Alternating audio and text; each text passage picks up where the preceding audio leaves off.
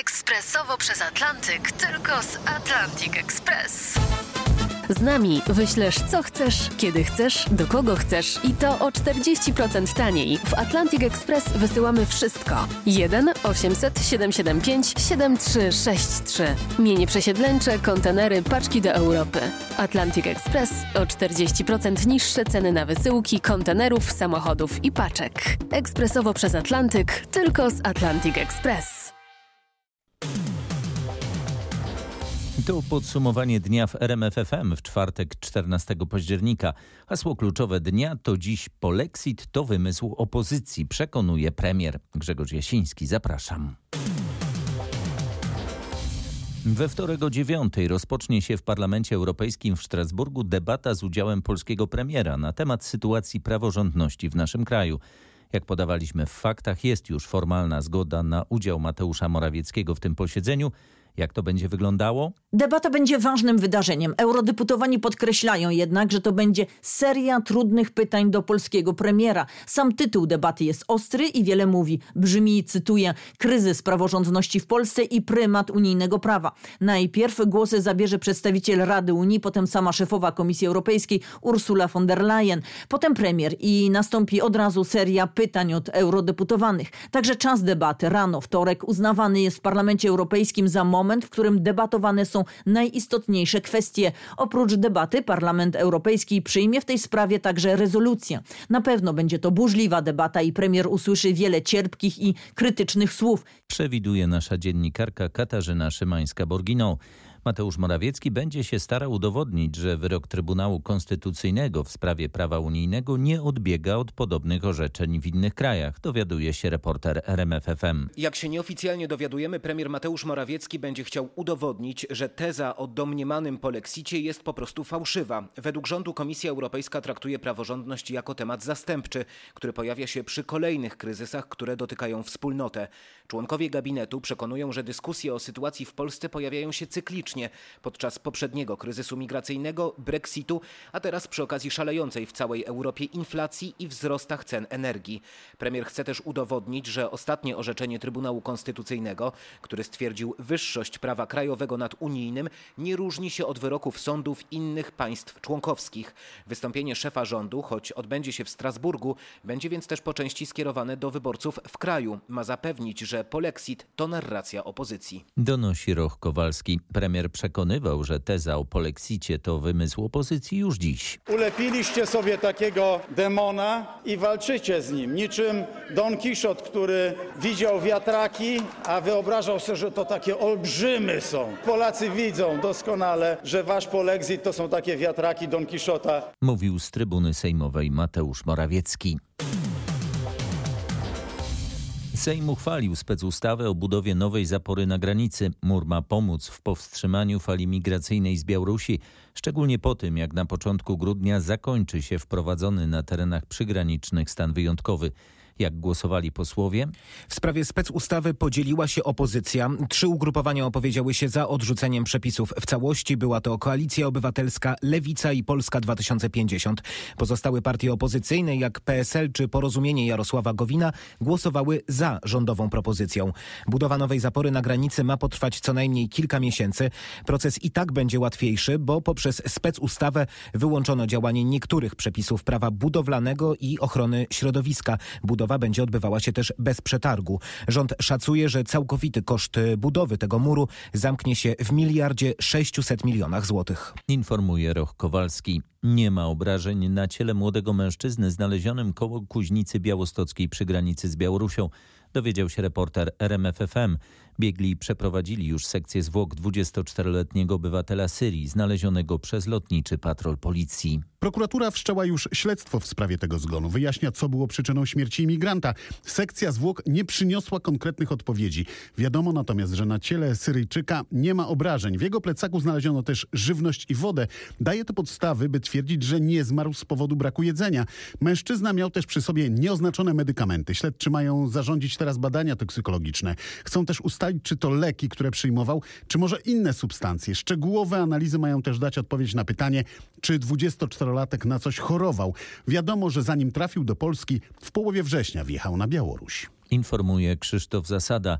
Ponad 480 prób nielegalnego przekroczenia polsko-białoruskiej granicy odnotowała od wczoraj Straż Graniczna. Zatrzymano też pięciu cudzoziemców, którzy zajmowali się przerzutem migrantów na zachód. To dwóch Gruzinów, Ukrainiec, Syryjczyk i Irakijczyk. Od początku roku do Kętrzyńskiego Domu Dziecka trafiło 49 nastolatków w wieku od 15 do 17 lat, których Straż Graniczna zatrzymała za nielegalne przekroczenie granicy. Mimo deklaracji zamiaru złożenia wniosku o udzielenie ochrony międzynarodowej, wszyscy uciekli. Nie jest to zaskoczeniem, że te osoby uciekają z domu dziecka, bo z tego co nam wiadomo, przebywają tam 2-3 dni. Po rozpoznaniu, gdzie e, chcą dotrzeć, czyli po rozpoznaniu internetowym, mają dostęp do internetu. Placówka opiekuńczo-wychowawcza jest, jest otwartym e, domem dziecka i wyjściu po prostu na miasto już tam nie powracają. I tak naprawdę docelowym krajem e, są ich już przebywające rodziny na terenie Europy Zachodniej. Powiedziała nam major Mirosława Aleksandrowicz z Warmińsko-Mazurskiej Straży Granicznej. W strzeżonym ośrodku dla cudzoziemców w Kętrzynie przebywa obecnie 450 osób, z czego sześcioro dzieci bez opieki dorosłych. Szybki przyrost nowych zakażeń koronawirusem pokazuje, jak bardzo zakaźny jest wariant Delta. Tak najnowszy raport Ministerstwa Zdrowia komentują w rozmowie z RMFFM lekarze. Ostatniej doby w naszym kraju wykryto 3000 nowych infekcji COVID-19. Zmarło 60 osób. Najnowsze dane to kolejny dowód, że jesienna fala pandemii może być bardzo wysoka, przewiduje specjalista chorób zakaźnych profesor Ernest Kuchar. Będą wzrosty, dlatego że rozwój pandemii ma charakter wykładniczy, czyli na początku rozwija się bardzo powoli, a potem gwałtownie przyspiesza i to widzimy. Ja myślę, że w ciągu dwóch, trzech tygodni możemy spokojnie dojść do liczby sięgającej kilkunastu tysięcy, może dwudziestu tysięcy zachorowań dziennie. Lekarze cały czas mają nadzieję, że nawet tak wysoka liczba dodatnich wyników testów na koronawirusa nie przełoży się na duże obłożenie szpitali. Dzisiaj na oddziałach covidowych są prawie 3000 pacjentów w całej Polsce. Dokładnie rok temu było ich ponad dwa razy więcej. Przypomina nasz reporter Michał Dobrołowicz. Maleją szanse na to, by pracodawcy mogli sprawdzać, który z ich pracowników jest zaszczepiony. Takie rozwiązanie miało zostać wprowadzone do kodeksu pracy na czas pandemii. Dwa miesiące temu zapowiedział to na naszej antenie wiceminister zdrowia Waldemar Kraska. Projekt od ponad miesiąca leży jednak w kancelarii premiera. Nie ma woli politycznej, by go wprowadzić, ustalili reporterzy RMFFM. Wewnątrz rządu dochodzi do poważnych tarć w sprawie tego rozwiązania. Od ponad miesiąca kolejne ministerstwa składają kolejne zastrzeżenia i wątpliwości. Ostatnie, czy rektorom dać prawo do sprawdzania zaszczepienia wśród studentów, co oznacza obiekcje resortu edukacji i nauki, a jest ich więcej. Gdzie ten projekt utknął i dlaczego? Niestety no, są pewne uwagi innych ministerstw, nad którymi w tej chwili pracujemy i ten projekt po prostu no, musimy dostosować, aby był akceptowany. Zmiana, doprecyzowanie musi trwać dwa miesiące? Trwa długo, no ale no, taka jest procedura legislacyjna i musimy się temu poddać. W tym roku to wejdzie w życie? Trudno mi powiedzieć. Tak mówi wiceminister zdrowia Waldemar Kraska. Nie ma więc szans na to, że przepisy wejdą w życie zanim rozpędzi się czwarta fala, a bardziej prawdopodobna jest wersja, że nie wejdą w życie w ogóle, bo rządzący z oporem wprowadzają radykalne działania, które mogłyby bezpośrednio uderzyć w osoby niezaszczepione. Relacjonuje Mariusz Piekarski. Sytuacja jest tragiczna, szpitalowi grozi paraliż, a nawet zaprzestanie działalności. Alarmują lekarze z Dziecięcego Szpitala Uniwersyteckiego w Krakowie Prokocimiu. Już ponad 50 lekarzy złożyło wypowiedzenia, a spływają kolejne. Sytuacja w służbie zdrowia jest bardzo zła, brakuje lekarzy, a ci, którzy są, są przemęczeni, mówi Agata Hałabuda, przewodnicząca Związku Zawodowego Lekarzy w tym szpitalu. Te wypowiedzenia to jest po prostu efekt już przekroczenia wszelkich granic bezpieczeństwa jaki jest y, y, serwowany ze strony ministerstwa w kolejnych reformach. I teraz jak to ma wszystko funkcjonować, proszę Państwa? Jak mają być terminy y, krótsze niż roczne czy dwuletnie do specjalistów? Lekarze ostrzegają, że paraliż szpitala może nastąpić już za miesiąc. Co najmniej trzy specjalistyczne oddziały mogą wtedy zawiesić pracę. Znajomi i przyjaciele apelują o oddawanie krwi dla Marcina Borkowskiego. To znany ratownik medyczny poruszający się po stołecznych ulicach trzykołowcem, motoambulansem. To on był pierwszy na miejscu wypadku, gdy z mostu Grota spadł miejski autobus. Wczoraj został ciężko ranny w wypadku na warszawskiej Pradze. Jaki jest stan ratownika? Ciężki, ale stabilny, jak informują jego znajomi na kanałach społecznościowych. Jest utrzymywany w śpiączce farmakologicznej. Przeszedł operację, ale czeka go kilka następnych, stąd apel o oddawanie krwi m.in. Wojskowym Instytucie Medycznym. Jest też informacja rodziny, że wszystkie pieniądze wpłacane do tej pory na zbiórki prowadzone przez Borkosia, choćby na promocję ratownictwa, zostaną teraz przeznaczone na jego leczenie, a potem rehabilitację. Wczoraj wieczorem jego motoambulans zderzył się z osobowym Oplem. Policja zabezpieczyła monitoring miejski, przesłuchała kobietę prowadzącą osobówkę. Na razie wszystko wskazuje na to, że do zderzenia doszło, gdy samochód włączał się do ruchu wyjeżdżając z zatoczki parkingowej. Informował nasz reporter Mariusz Piekarski. Dariusz Martynowicz, nauczyciel roku 2021, krytykuje w Dniu Nauczyciela propozycję resortu edukacji i nauki. Zdaniem gościa popołudniowej rozmowy w RMFFM minister Przemysław Czarnek wcale nie oferuje pedagogom podwyżki. To jest zmiana warunków pracy, która wią wiąże się z podniesieniem nam e, pensum, czyli tego czasu, e, kiedy jesteśmy w, bez w bezpośrednim kontakcie w szkole z naszymi uczniami z 18 do 22 godzin. Plus jeszcze pan minister e, chciałby, abyśmy dokumentowali w każdym tygodniu 8 godzin, które spędzamy w szkole na kontaktach z rodzicami, uczniami, e, na wycieczkach szkolnych oraz podczas rad pedagogicznych. Martynowicz podkreśla, że podwyżka polega na tym, że nie zmienia się warunków pracy, ale po prostu dostaje się więcej. Związek Nauczycielstwa Polskiego nazywa wręcz ideę ministerstwa przejawem lekceważenia nauczycieli. Ja jestem nauczycielem niezwiązkowym, ale też mam takie poczucie, dlatego że realność naszej pracy jest taka, że no, to, to będzie ciężar nie do udźwignięcia. Martynowicz krytykował też pomysł zwiększenia kontroli kuratoriów nad szkołami, czego chciałby minister Czarnek. Jeżeli dyrektor jest kontrolowany przez kuratorium i sam kontroluje swoich nauczycieli, e, bo się boi, e, no to też przekłada się to na warsztat pracy nauczycieli, którzy się boją, że zostaną jakoś wypunktowani. Polska szkoła jest i musi pozostać autonomiczna, mówił Dariusz Martynowicz. Cała rozmowa Piotra Salaka z nauczycielem roku jest na rmf24.pl. Po roku funkcjonowania w ramach Ministerstwa Kultury resort sportu znów ma działać osobno. Na jego czele stanie były polityk porozumienia Jarosława Gowina, dziś y, poseł klubu PiS Kamil Bortniczuk. O to dzielenie ministerstw wiceszefa resortu kultury Jarosława Selina pytał dziś rano Robert Mazurek. Teraz się okazuje, że będzie trzeba podzielić to ministerstwo. To jest taka mądrość etapu? E, no, taka jest decyzja kierownictwa Zjednoczonej Prawicy, żeby, e, żeby jednak ten sport wydzielić. Przez rok rzeczywiście był w naszym ministerstwie. Ja, się, ja nawet żartowałem, że może nazwy ministerstwa nie trzeba zmieniać, bo Ministerstwo Kultury i Dziedzictwa Narodowego za, może zawierać w sobie pojęcie kultura fizyczna. No ale do, dodano tą nazwę, tą nazwę sport i wydaje mi się, że ten rok kończymy z dużymi sukcesami. Wyniki na Olimpiadzie na przykład też o tym świadczą, no że... To oczywiście to jest że, pańska zasługa Nie, nie, to jest zasługa sportowców. To jest zasługa sportowców. I tego się trzymajmy. Całą rozmowę znajdziecie na rmf24.pl. A skoro była już mowa o dzieleniu, to teraz pora coś połączyć. Fuzja Orlenu i Lotosu coraz bliżej. Akcjonariusze gdańskiego koncernu wyrazili formalną zgodę na przejęcie spółki przez Orlen. Jakie znaczenie ma ta konkretna decyzja? Przyspiesza cały proces. Po pierwsze oznacza, że plan Daniela Obajtka, by połączyć obie spółki staje się realny. Po drugie porządkuje strukturę Lotosu, co przybliża pełną zgodę ze strony europejskich władz nadzorczych. Jeszcze dzisiaj rano było ryzyko, że przeciwnicy fuzji obu koncernów ją zablokują, ale ostatecznie... Nie zgłoszono sprzeciwów do powziętych uchwał.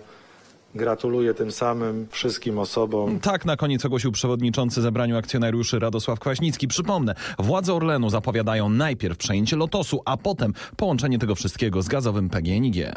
Przypomina nasz reporter Krzysztof Berenda, z którym się jednak nie rozstajemy, bowiem informuje także o tym, że w PKO BP, czyli największym polskim banku, doszło do nagłej zmiany.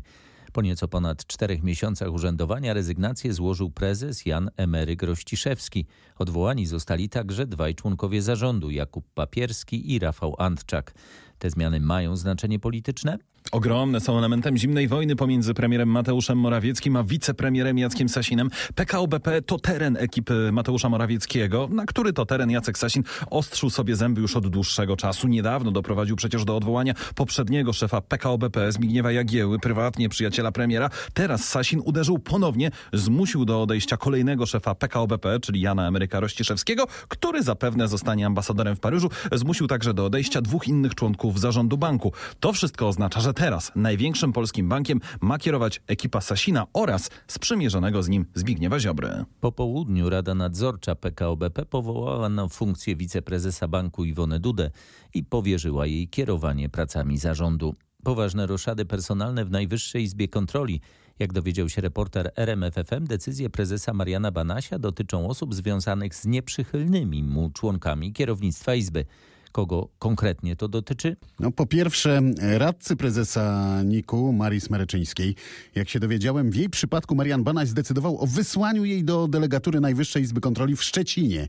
Drugą z osób, której dotyczą decyzje personalne, jest dyrektor Departamentu Obrony Narodowej Marek Zająkała. On został zawieszony w czynnościach służbowych. Na jego miejsce jest już następca, Janusz Klimek. Na razie nie są znane konkretne powody tych decyzji. Wiadomo natomiast, że osoby, których dotyczą, są stronnikami m.in. wiceprezesa Izby Tadeusza Dziuby, którego konflikt z Marianem Banasiem nie jest tajemnicą. Podsumowuje Krzysztof Zasada.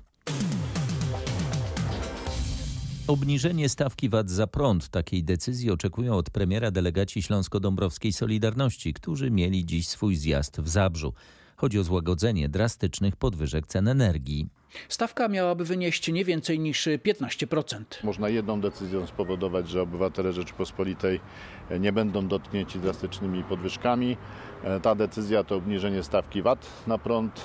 Zawnioskowaliśmy, żeby ten VAT na prąd był nie wyższy niż 15%. Jak tłumaczy Dominik Kolosz, szef Śląsko-Dąbrowskiej Solidarności, taka decyzja byłaby znacznie korzystniejsza niż wprowadzanie różnego rodzaju rekompensat związanych z rosnącymi cenami prądu. Z Zabrza Marcin Buczek. Ruszył sezon grzewczy i jest ogromne zainteresowanie zakupem węgla więc Polska Grupa Górnicza wprowadziła limity dotyczące sprzedaży. W zależności od kopalni limity wynoszą od 3 do 5 ton węgla na dobę dla każdego kontrahenta. Chodzi o to, aby wszyscy chętni w danym dniu mogli kupić węgiel, nawet jeżeli nie będzie to ta ilość, o której pierwotnie myśleli, ale chcemy, aby nie było sytuacji, że któryś z naszych klientów odjeżdża z kwitkiem. Tomasz Głogowski, rzecznik Polskiej Grupy Górniczej podkreśla, że jednocześnie spółka dostarcza węgiel autoryzowanym sprzedawcom z całego kraju, z którymi ma podpisane długoterminowe umowy. Informuje nasza reporterka Anna Kropaczek.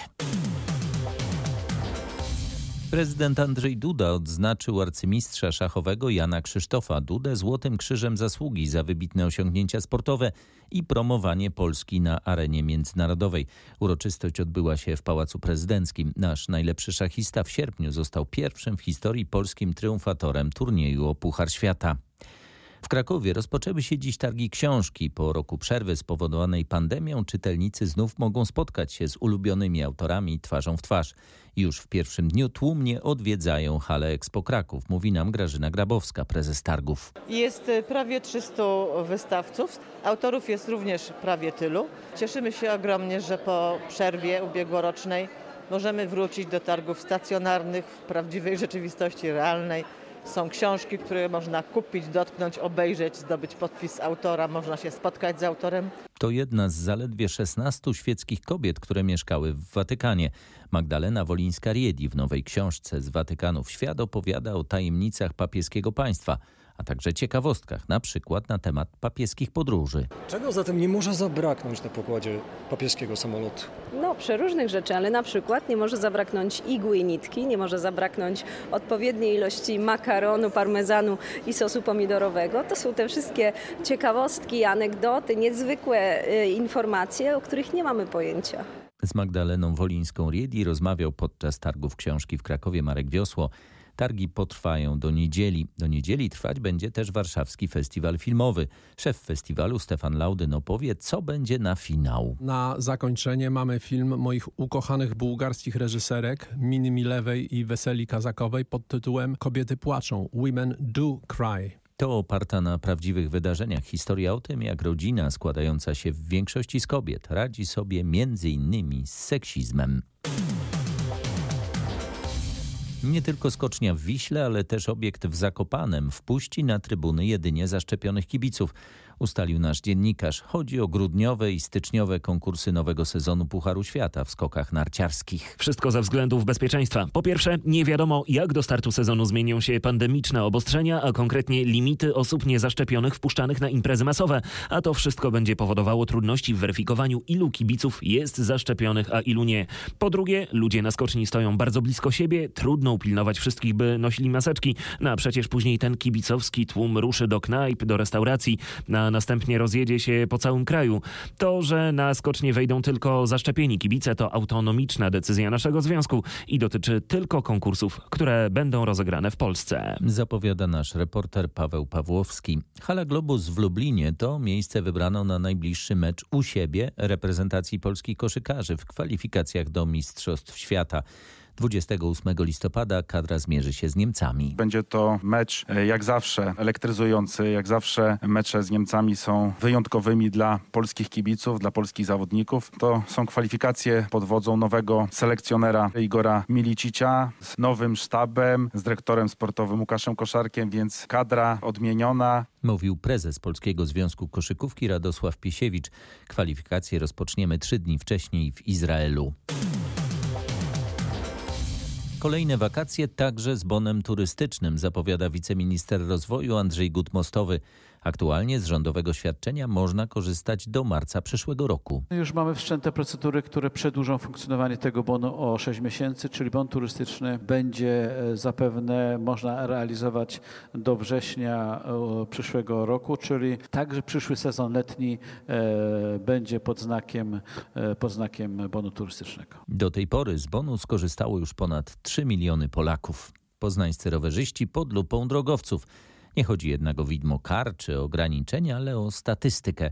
W stolicy Wielkopolski ruszył montaż systemu, który będzie zliczał użytkowników jednośladów. Specjalne liczniki staną w ponad 20 lokalizacjach. Po co liczy się rowery w mieście? Liczymy, ile mieszkańców porusza się jakimi trasami. Jest to narzędzie do weryfikowania naszych założeń programu rowerowego, czy te założenia były poprawne, na jakich trasach ten ruch rowerowy jest większy, na jakich mniejszy, od czego to zależy w kontekście remontów, przebudów, pogody. Gdzie te liczniki się znalazły? One tak naprawdę są porozrzucane po całym mieście. Na przykład ważne, ważne miejsca to przeprawy przez Wartę, czyli mosty. Do czego takie dane mogą zostać użyte? Do tego, jak my mamy reagować tak naprawdę na taki ruch. Gdzie są potrzebne szersze drogi rowerowe, a może gdzie jest potrzebna promocja jakaś ruchu rowerowego. O szczegółach nasz reporter Mateusz Chłystun rozmawiał z Markiem Makowskim z Zarządu Dróg Miejskich w Poznaniu.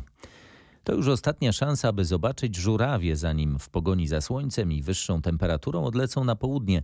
Przyrodnicy z zespołu parków krajobrazowych województwa zachodnio-pomorskiego pokażą wszystkim chętnym te piękne ptaki i to niedaleko Szczecina. Codziennie do piątku e, spotykamy się we wsi Pargowo. Tam jest taki punkt e, zbiorczy na końcu wsi e, i ruszamy na punkt widokowy. Żurawie są, można usłyszeć żurawi klangor i zobaczyć lecący, przelatujący klucz. Jak się trzeba przygotować na taką wycieczkę i co ze sobą zabrać? Przede wszystkim ubrać się cieplutko. Możemy wziąć lornetkę, ale pracownik zawsze ma ze sobą kilka lornetek, także chętnie tą dodatkową parę oczu wypożyczy. Mówi naszej reporterce Anecie Łuczkowskiej Karolina Blum, specjalistka od spraw ochrony przyrody w Zespole Parków Krajobrazowych. Ostatnia okazja jutro, w piątek o 18. Już w niedzielę w Krakowie rusza Krakowia Półmaraton Królewski. Weźmie w nim udział 5 tysięcy osób, które przebiegną przez centrum miasta.